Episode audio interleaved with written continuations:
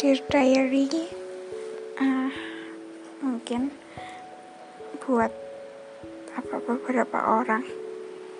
Hubungan itu eh, nggak uh, ngerti ya karena aku sendiri juga jarang ngepoin temanku yang pacaran. Dan juga uh, temanku yang pacaran tuh nggak nggak apa ya nggak sepenuhnya aku tahu banget gitu loh tentang hubungan mereka. Ya namanya juga hubungan dua orang masa aku diceritain terus kecuali aku ya. Aku tuh termasuk orang yang cukup sering curhat ke teman aku ke teman ke orang lain. Aku sering curhat sih.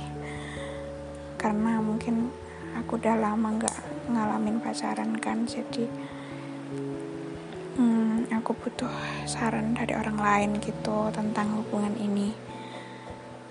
Nah buat sebagian orang hubungan itu isinya menyenangkan menyenangkan menyenangkan. Mungkin ada kepahitan mungkin sedikit. Itu yang aku lihat dari luar ya karena aku nggak ngerti dalamnya.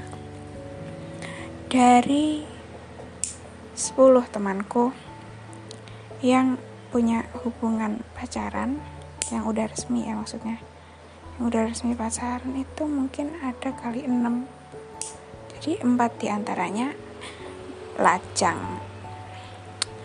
Ya mungkin dalam tahap pencarian ya kan deket-deketin orang gitu. Karena yang aku tahu teman-temanku tuh jarang ada yang punya prinsip enggak ah aku pengen sendiri dulu. Itu jarang sih sebenarnya. Tapi cuman uh, yang aku lihat yang mau aku ceritain sekarang kan itu teman aku yang pacaran. Aku dulu waktu masih aku lajang juga aku ngelihatnya tuh kayak uh, asik ya punya pacar. Kayak yang diliatin ke orang-orang itu kan yang baik-baiknya yang enak-enaknya. Jadi kita sebagai penonton itu merasa ah senang banget ya pacaran punya pacar. Jalan-jalan movie date atau um, cari makan bareng kayak gitu. Uh, dan aku udah lama gak ngerasain hal itu kan?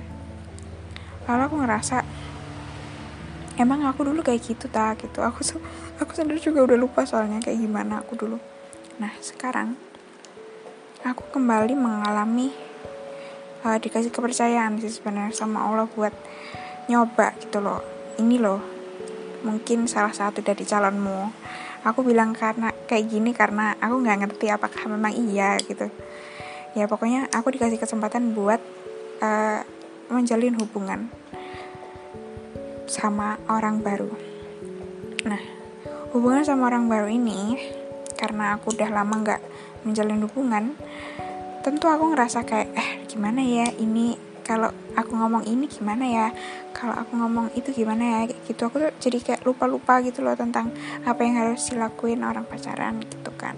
Terus Uh, seperti orang pacaran pada umumnya, aku yang pertama mau manggil dia dengan uh, panggilan kesayangan. Oke, okay, udah dilakuin. Terus uh, yang kedua nge-publish. Sebenarnya nge-publish sendiri itu pilihan setiap pasangan ya. Ada yang mau nge-publish atau ada yang udahlah nggak usah hubungan ini kan kita berdua yang jalan orang lain nggak perlu tahu gitu aku punya satu teman yang emang dia tuh kayak gitu gitu. Bener-bener nggak mau nunjukin wajah cowoknya sama sekali. Padahal cowoknya juga good looking. Uh, mungkin karena itu juga ya menjadi ketakutan. Aku nggak ngerti juga. Uh, temanku itu bener-bener sama sekali nggak ngasih tahu kami sebagai sahabat-sahabatnya mana sih mukanya gitu. Kita cuma dengar ceritanya doang.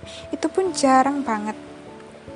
Aku mikir kok bisa ya ada orang yang kayak gitu? Kayak kuat banget nggak cerita ke teman-temannya gitu. Nah mungkin itu juga yang bikin orang mm, ngelihat dia ini nggak pernah galau atau happy terus gitu kelihatannya. Kalau masalah publish aku sendiri tipe orang yang nge-publish kalau emang pasangannya mau nggak. Jadi aku sama dia nggak ada kata-kata tutup-tutup gitu. Jadi oke okay, publish gitu kami saling nyantumin nama di Twitter sama di IG uh, ah, di Twitter karena kita emang awal kenalan dari Twitter sih. Dan terus uh, habis panggilan kesayangan habis publish terus habis itu keluar bareng. Nah ini yang disebut dengan ngedate. Kebetulan sejak awal kami menjalin hubungan aku dan cowokku ini memang jauh jaraknya. Aku di Sidoarjo dia ada di Bekasi. Kalau misal dia lagi kuliah lagi ngampus dia ada di Makassar. Dan aku ada di Surabaya. Betapa jauhnya dan semakin jauhnya kita berdua. Uh, untuk ngedate, kayaknya untuk saat ini sedikit sulit ya, karena kita sendiri kenalnya karena masa pandemi. Jadi ya nggak bisa seenak hati kita bisa sebenarnya bisa, cuman kita berdua tuh sama-sama orang yang taat pada protokol kesehatan gitu loh. Masih mikirin kesehatan masing-masing dan keluarga tentunya. Nah jadi kita memilih untuk tidak saling bertemu dulu. Bukannya kita nggak pengen ketemu ya siapa sih orang pacarnya yang nggak mau ketemu jadi kita memutuskan untuk tidak saling bertemu dulu oke? Okay. habis itu uh, apa yang dilakukan pasangan habis ngedate? Konflik mungkin. Untuk konflik ini macam-macam. Ada konflik yang ringan sampai berat. Uh, aku sendiri sebagai orang yang masih dikatakan hubungannya tuh masih baru banget masih baru tiga bulanan. Uh, konflik itu datang udah mulai datang kok dari bulan pertama. Macam-macam aku nggak bisa sebutkan karena ya privacy gitu. Untuk apa juga aku ceritain gitu. Ya intinya sebesar apa pun masalah itu terjadi karena ekspektasi kita sebagai pasangan ke pasangan kita itu terlalu tinggi atau yang kita pengenin atau sama yang dia lakuin tuh beda gitu loh.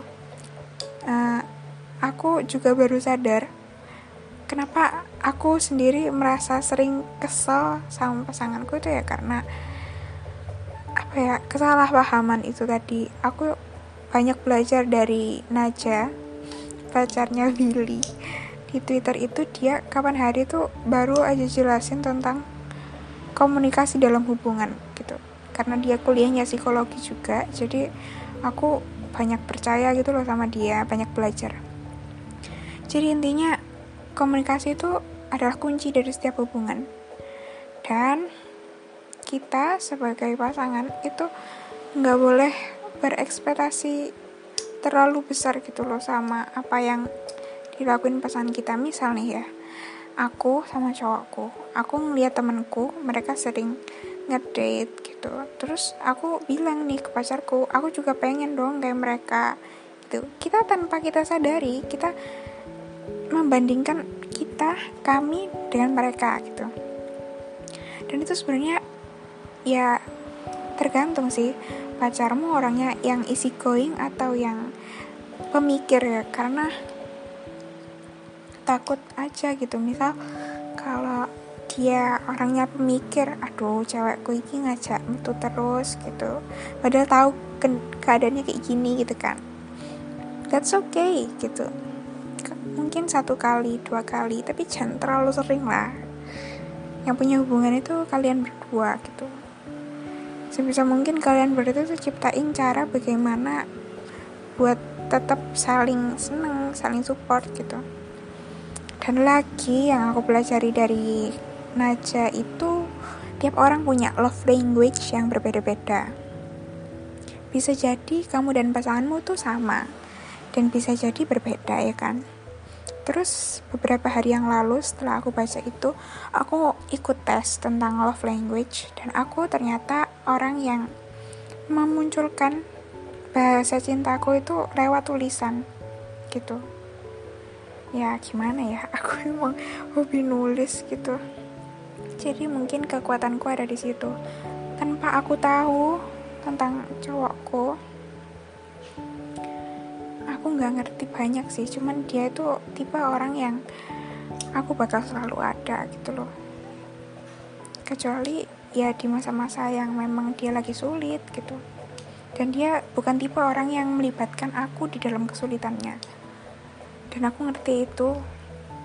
Dan memang ada beberapa orang yang seperti itu memilih untuk menderita sendiri dan membagi kesenangannya saja kepada pasangannya. Ada yang seperti itu. Tapi kalau aku pribadi aku tuh apa-apa akan aku ceritain gitu loh ke pasanganku. Jadi ya itu adalah bukti bahwa aku itu percaya sama kamu kayak gitu. Dan bukti pacarku mencintaiku adalah ya dengan cara itu tidak melibatkan aku di masa yang sulit di keadaan yang sulit gitu. Nah jadi begitulah tentang podcast hari ini. Aku sedikit membahas tentang hubungan. Dan menurutku hubungan tiap orang itu menarik gitu loh. Kita bisa saling cerita saling tuker pengalaman. Tapi enggak dengan membandingkan pasangan kita dengan pasangan yang lain. Kita hanya bisa belajar lewat mereka gitu loh. Enggak dengan membanding-bandingkan seperti itu. Sekian. See you